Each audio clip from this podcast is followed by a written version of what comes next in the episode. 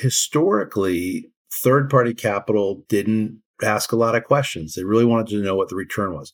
What's it going to cost? What kind of rent are you going to get? And when will I get my money back? Today, you know, we're in a world where capital wants to align with values. That's Brad Dockser, the founder and CEO of Green Generation. Brad has built a whole business around advising investors on how to go green. But when he started out his career as a real estate investor, climate wasn't on anyone's mind. We thought about weather. You know, we woke up every morning and said, what's the temperature? But we didn't think about climate. It's only really been in the last couple of years have we seen this really acceleration, proliferation of discussion around climate and resiliency, sustainability. And I think the two big drivers there are regulation. And then I think the second place is the capital markets. You know, equity has basically said if you don't have an ESG strategy and story, you're not getting our money. ESG if you haven't heard that term before, it stands for environmental, social, and governance. It's a set of standards that investors use to evaluate how socially conscious companies truly are. It's a framework to help them decide whether to put capital into a company or not. It's a way to think about what kinds of outcomes or impacts are you having on different groups.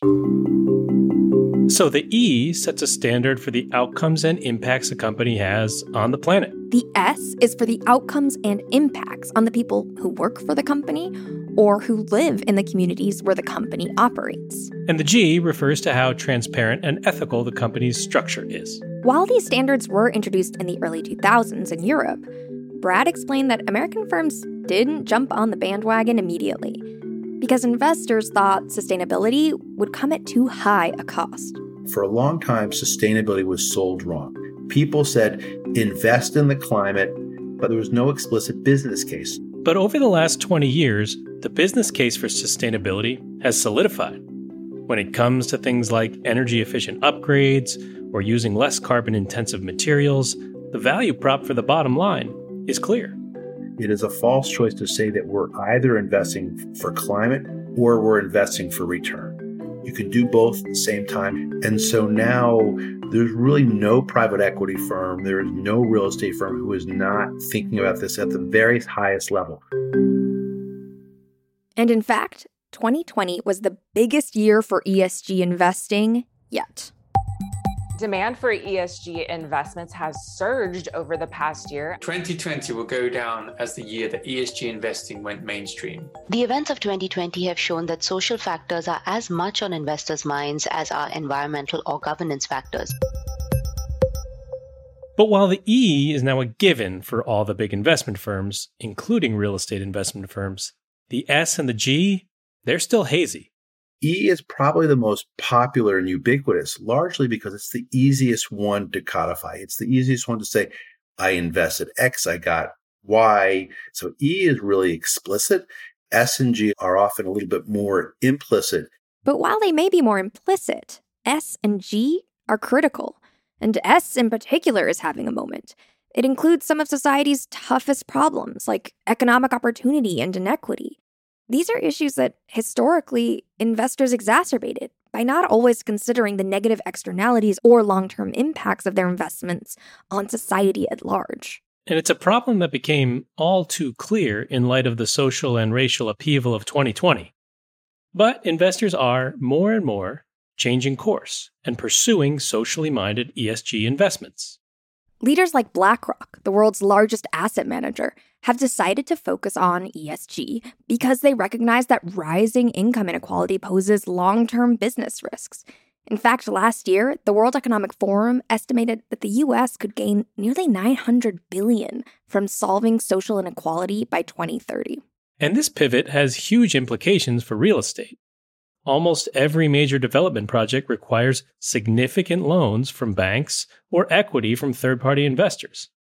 And investors are now ready and willing to lend capital to real estate companies that are pursuing projects with real social and racial impact. This investor readiness is coming to real estate at a crucial moment.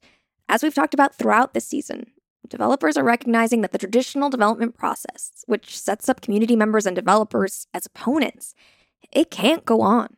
And developers are also realizing that real estate, which historically played a significant role in perpetuating racial and class inequities, could play a significant role in offsetting them too. In other words, now is the time to transform the development process. And the developers who do decide to pursue more inclusive and equitable projects, they're likely going to be the ones at the front of the line to receive capital from investors. The amount of capital that's looking to invest in opportunities like this is unfathomable at this point. The issue is people don't know how to do it. But if we can figure out what this S piece of ESG means for real estate, it's not just developers that will benefit, our cities will too. That's something we've been thinking a lot about at Sidewalk, especially our colleague Crystal Dean, who works on our development team. I'm Crystal Dean, and I'm Associate Director of Inclusive Development at Sidewalk Labs. Crystal's path to Sidewalk wasn't typical. She started out her career as an activist, pushing for change, especially for LGBTQ plus folks. And in that work, she learned a really important lesson early on. One of the pieces of advice that I got really uh, kind of early in my push for change was follow the money. And it made a lot of sense to me because people who hold money, they have influence. And something that we're seeing today is the people who, who hold that money, they're really starting to focus on social impact. So you're one of the folks who actually brought this topic to our attention in the first place. And I know it's very near and dear to your heart. Why is ESG such an important lever? Well, part of my job is to think about how to affect change in really broad and complex systems like real estate development. And, you know, when I'm thinking about change, I don't try and change everything at once. I just think that's impossible. You can't do that. Instead, what I try and do is is find the lever that will have the most impact but offer the least resistance. And to me, that's ESG. This is a framework that a lot of developers are using and they understand it, they're reporting on it. We're in a moment in time, maybe where we were 10, 15 years ago with environmental sustainability, where we're really honing in on that S. And there's no better time than now to try and figure that out.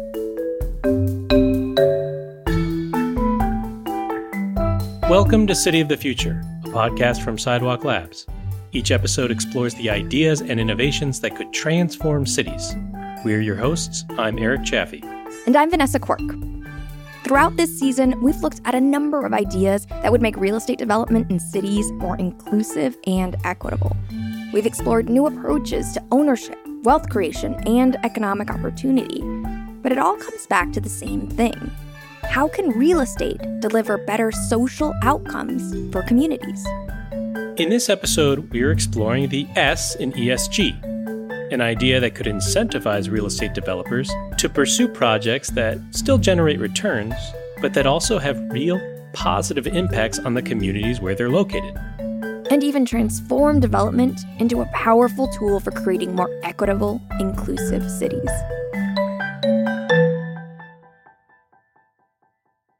I think people are going to think about the world before 2020 and after 2020, right? That's Carlton Brown, the principal and CEO of Direct Invest Development. Carlton came of age in the early 1960s in Mississippi, where his parents were active in the civil rights movement. The fight for social change was in his DNA.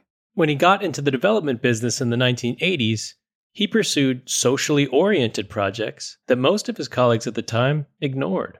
A lot of people have always said, well, if you want to do real estate, you should go to the intersection of Main and Main from my standpoint, those places are going to be okay. But the intersection of nowhere and nowhere, where you don't have the social infrastructure, you don't have the economic infrastructure, you don't have the housing and other physical infrastructure, that's where we work. But since 2020, he's seen the rest of his industry start to think differently about what development does and who it serves. And like Crystal, Carlton thinks that leveraging ESG is an important way to catalyze change in the development industry. Financial institutions are drivers, right? And so, what developers are going to do always, they're going to respond to what financial institutions want. And Carlton thinks that developing socially minded metrics, that's a key step towards helping developers and investors get on the same page. Metrics is one of the things this industry has to figure out, and that's both the real estate side of it and the institutional investor side. With environmental metrics, developers generally know what to do. They measure monthly building emissions, the carbon intensity of their materials, or how much renewable energy solar panels create. And then they report those metrics to investors, who can evaluate how sustainable the project really is. If you're talking about energy, you can measure that every week or every month, right? Social, because of sort of long term endemic problems, have to be measured over time, right? It's a longer walk down the road. It's a marathon as opposed to a sprint, right? And so then you got to pick what is the time and how do you measure it? Most development projects do track a handful of socially minded outcomes. Things like the number of affordable housing units created, the number of construction jobs generated, or the number of community engagement hours undertaken. But none of these are particularly long term in nature. So we asked Carlton to tell us about a project he worked on that included some of these longer term metrics to better understand what he meant. And he told us about a project he completed in 2008 in Harlem. It was called the Kalahari. It was right across the street from public housing. And one of my partners called me and said, You know, um, the people in public housing have sheets hanging out the windows saying greedy developers are taking our playgrounds from our kids. They're ruining our future. Youch. And they said, What are we going to do? I'm like, I'm going to go over to the public housing and find out who's hanging out the sheets and find out what's going on. They said, Really? I'm like, Yeah. When Carlton went to investigate, he discovered that much of the resistance was coming from the head of a Little League baseball team that practiced on the vacant land that Carlton was about to develop for the Kalahari. And he was just like heartbroken, right? Because, you know, we were taking his baseball field. Carlton told him that the city was planning on replacing the baseball field in a new location. It didn't do much to ease his mind. But then Carlton asked him some questions. How many of your um, Little League baseball players go on to college? Stops and says, Well, I think we've had two that have gone to college, right? They got baseball scholarships. I'm like, Okay. I'm like, How many of your girls that play Little League baseball have gone on to college? I was like, We, oh, girls, girls don't play baseball on this team. That's when Carlton told him they were providing space on the ground floor of the new building at below market rates for an organization that could have real positive impacts, not just for his players, but for all the kids in the neighborhood. It was a youth enrichment program called Street Squash. And Street Squash, he explained, had a partnership with Columbia University. So, Columbia University squash team will practice there on the condition that they mentor and tutor these kids, right? And these kids are all from underperforming schools in Harlem. They're from those public houses where um, his baseball team comes from. And since that place opened, 95% of the kids have graduated from high school and gone on to college and graduate from college, right? That's unheard of. And so we've been able to measure that. And so that has changed people's lives forever. For Carlton, this kind of initiative shows what development can do when it comes to social impact. It goes beyond providing jobs like construction maintenance or retail jobs to community members. In this case, by helping people graduate high school and attend college, this development project fundamentally improved the likelihood of social and economic mobility for these local kids. And importantly, that social benefit still fits within the financial goals of the project's developers and investors who still made money from the sale of market rate and below market rate condos in the building. That space that we took and sold to them below cost could have been retail space that at this point in Harlem, we'd be getting $125 a square foot for it, right? But we didn't do that, but we still made money. The lender, everybody made money. We all went away happy. It was a good project. And the community got something that was transformative. If there was a point system on the S, you know, that would have been like a 10.5 on a 10 point scale. Because that project has been around for over a decade, Carlton has that long term data point that he was talking about to prove that investing in the S of ESG can have a real impact on the community. That's a metric he can take back to his investors or take to future investors as a way to quantify the social good this project is having on the community. And that's why metrics are such an important lever for aligning investors and developers. But creating long term social metrics, that's not enough to instigate more equitable and inclusive development.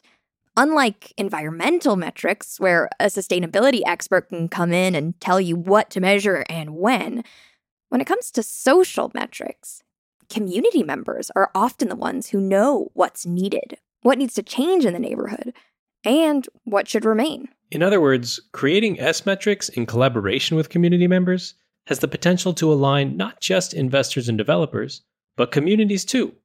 And there's a project on the south side of Chicago that's trying to do just that. My name is Morgan Malone, and I am the Director of Development and External Affairs for Farpoint Development. Morgan Malone has spent her whole life working in the service of communities, a career she started very early, at 12 years old. Having spent her life in organizing, Morgan never intended to work for a developer. But when she was offered a job at Farpoint and the opportunity to work on a huge revitalization project on the Bronzeville lakefront, she knew it would be a tremendous opportunity to make a positive impact. It is a 100 acre, $8.5 billion, 20 year project in the historic Bronzeville community, which is the most historic Black community in the city of Chicago. So when they asked if I wanted to come here, I said, Yeah, if you all are doing equitable development, I will come here. As she's gotten into the day to day of real estate, Morgan's understanding of the work of equitable development has broadened. In the work now, I understand equitable development to, to be an ecosystem based initiative. The developer alone cannot do equitable development. You have to have a commitment from an ecosystem of partners, private, public, and community based, to enact solutions together. And so, as Morgan sees it, the real challenge is a cultural one.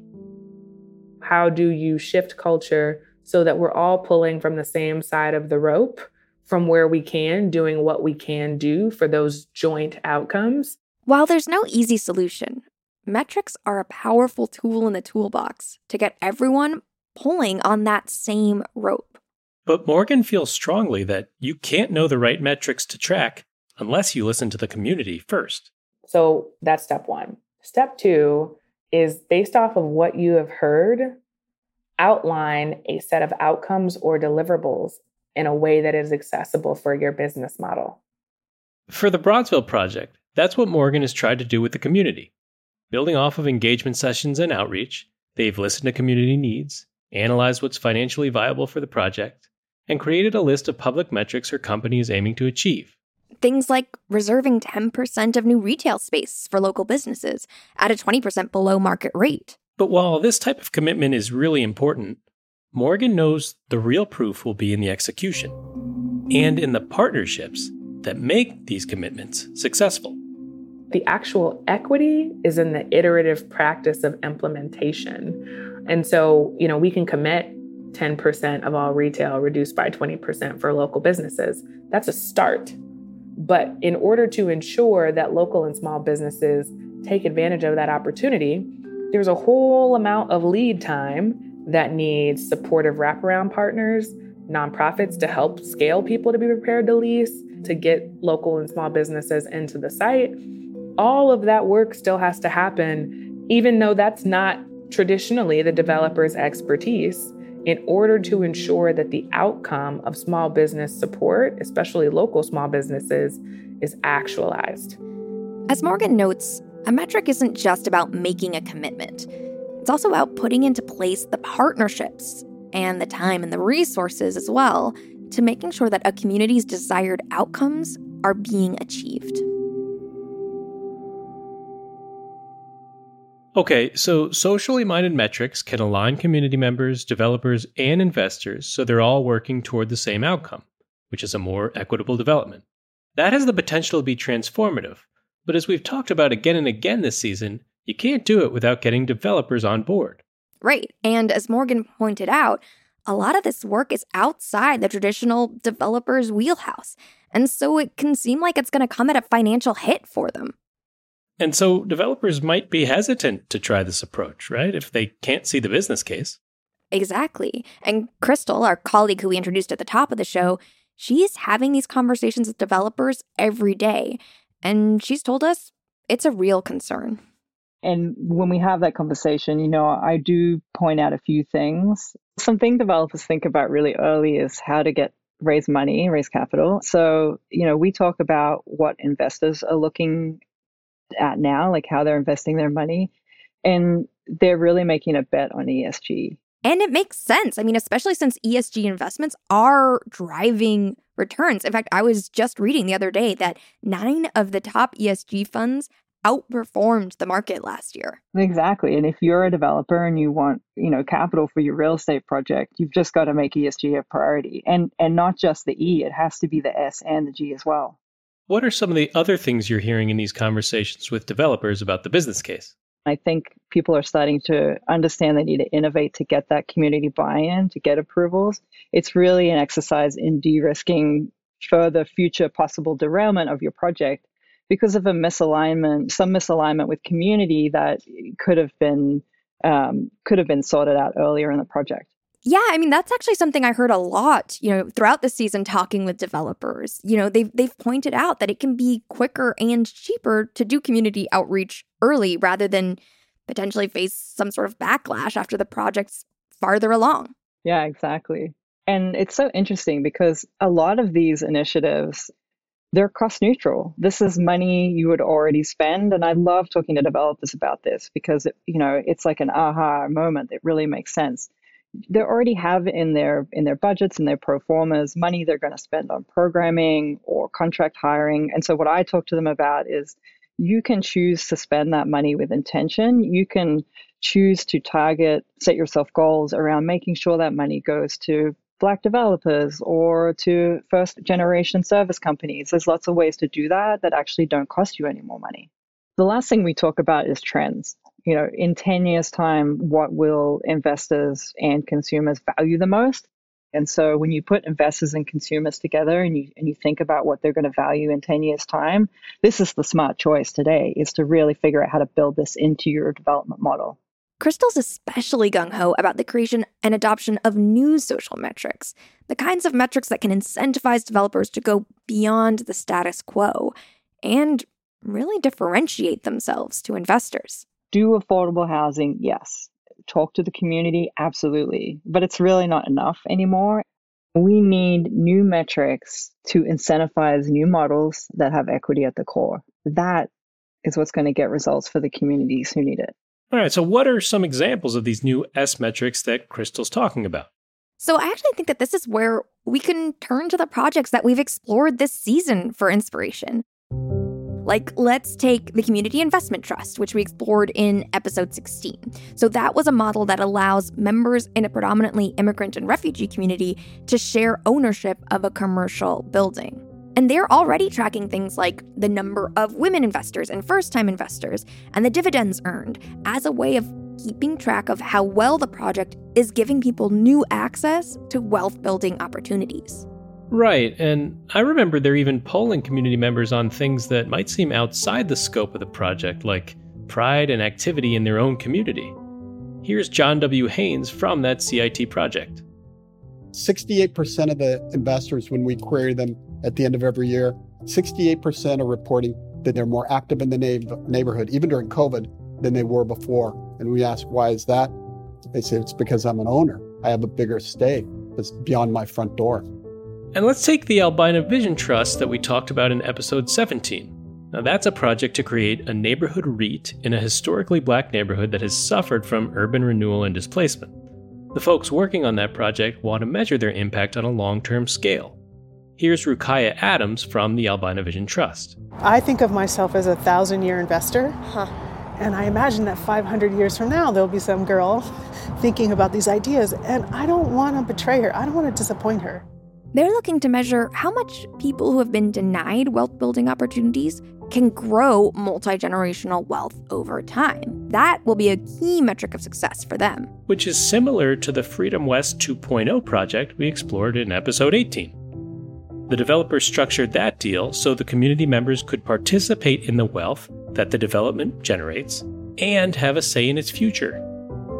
Here's Landon Taylor from Freedom West. So usually it's this big fight about, oh, you know, I don't want the developer. No, no, no. We want the developer to make as much money as possible because they get to participate. And so I would like to be so bold to say what we're doing for this community is to put them in the driver's seat to participate in real estate development in the way that usually only wealthy white developers or landowners have. If every project were measured on how much decision making power a community has in the project, or how much wealth they will generate from a project's success, imagine how many more Freedom West 2.0s we could have around the world. Or what if developers measured how well their project responded to community needs? That's something you can measure year over year in order to determine how successful a project truly is. As we've talked about again and again this season, real estate has a role to play in creating the more inclusive, equitable cities of the future. All the ideas and all the innovations in the world won't go far unless every stakeholder, community members, developers, and investors are all working together towards the same goals and aspirations. ESG could be a way to get us all working together on unraveling these hard, historic social inequities. And though it may seem daunting, Crystal is optimistic. She believes we can do it. We can develop financially viable projects that help historically disinvested communities generate wealth, that give regular people a seat at the table, that bring equitable growth and prosperity to neighborhoods that have been left behind. And for the future of our cities, we must. And I think we have a blueprint. We've seen how this works with environmental sustainability. And my hope is that we don't take 10 or 15 years to do this with social impact. We have to do it for the generations that follow. I want to be able to look my kids in the eyes and say that I fought for you.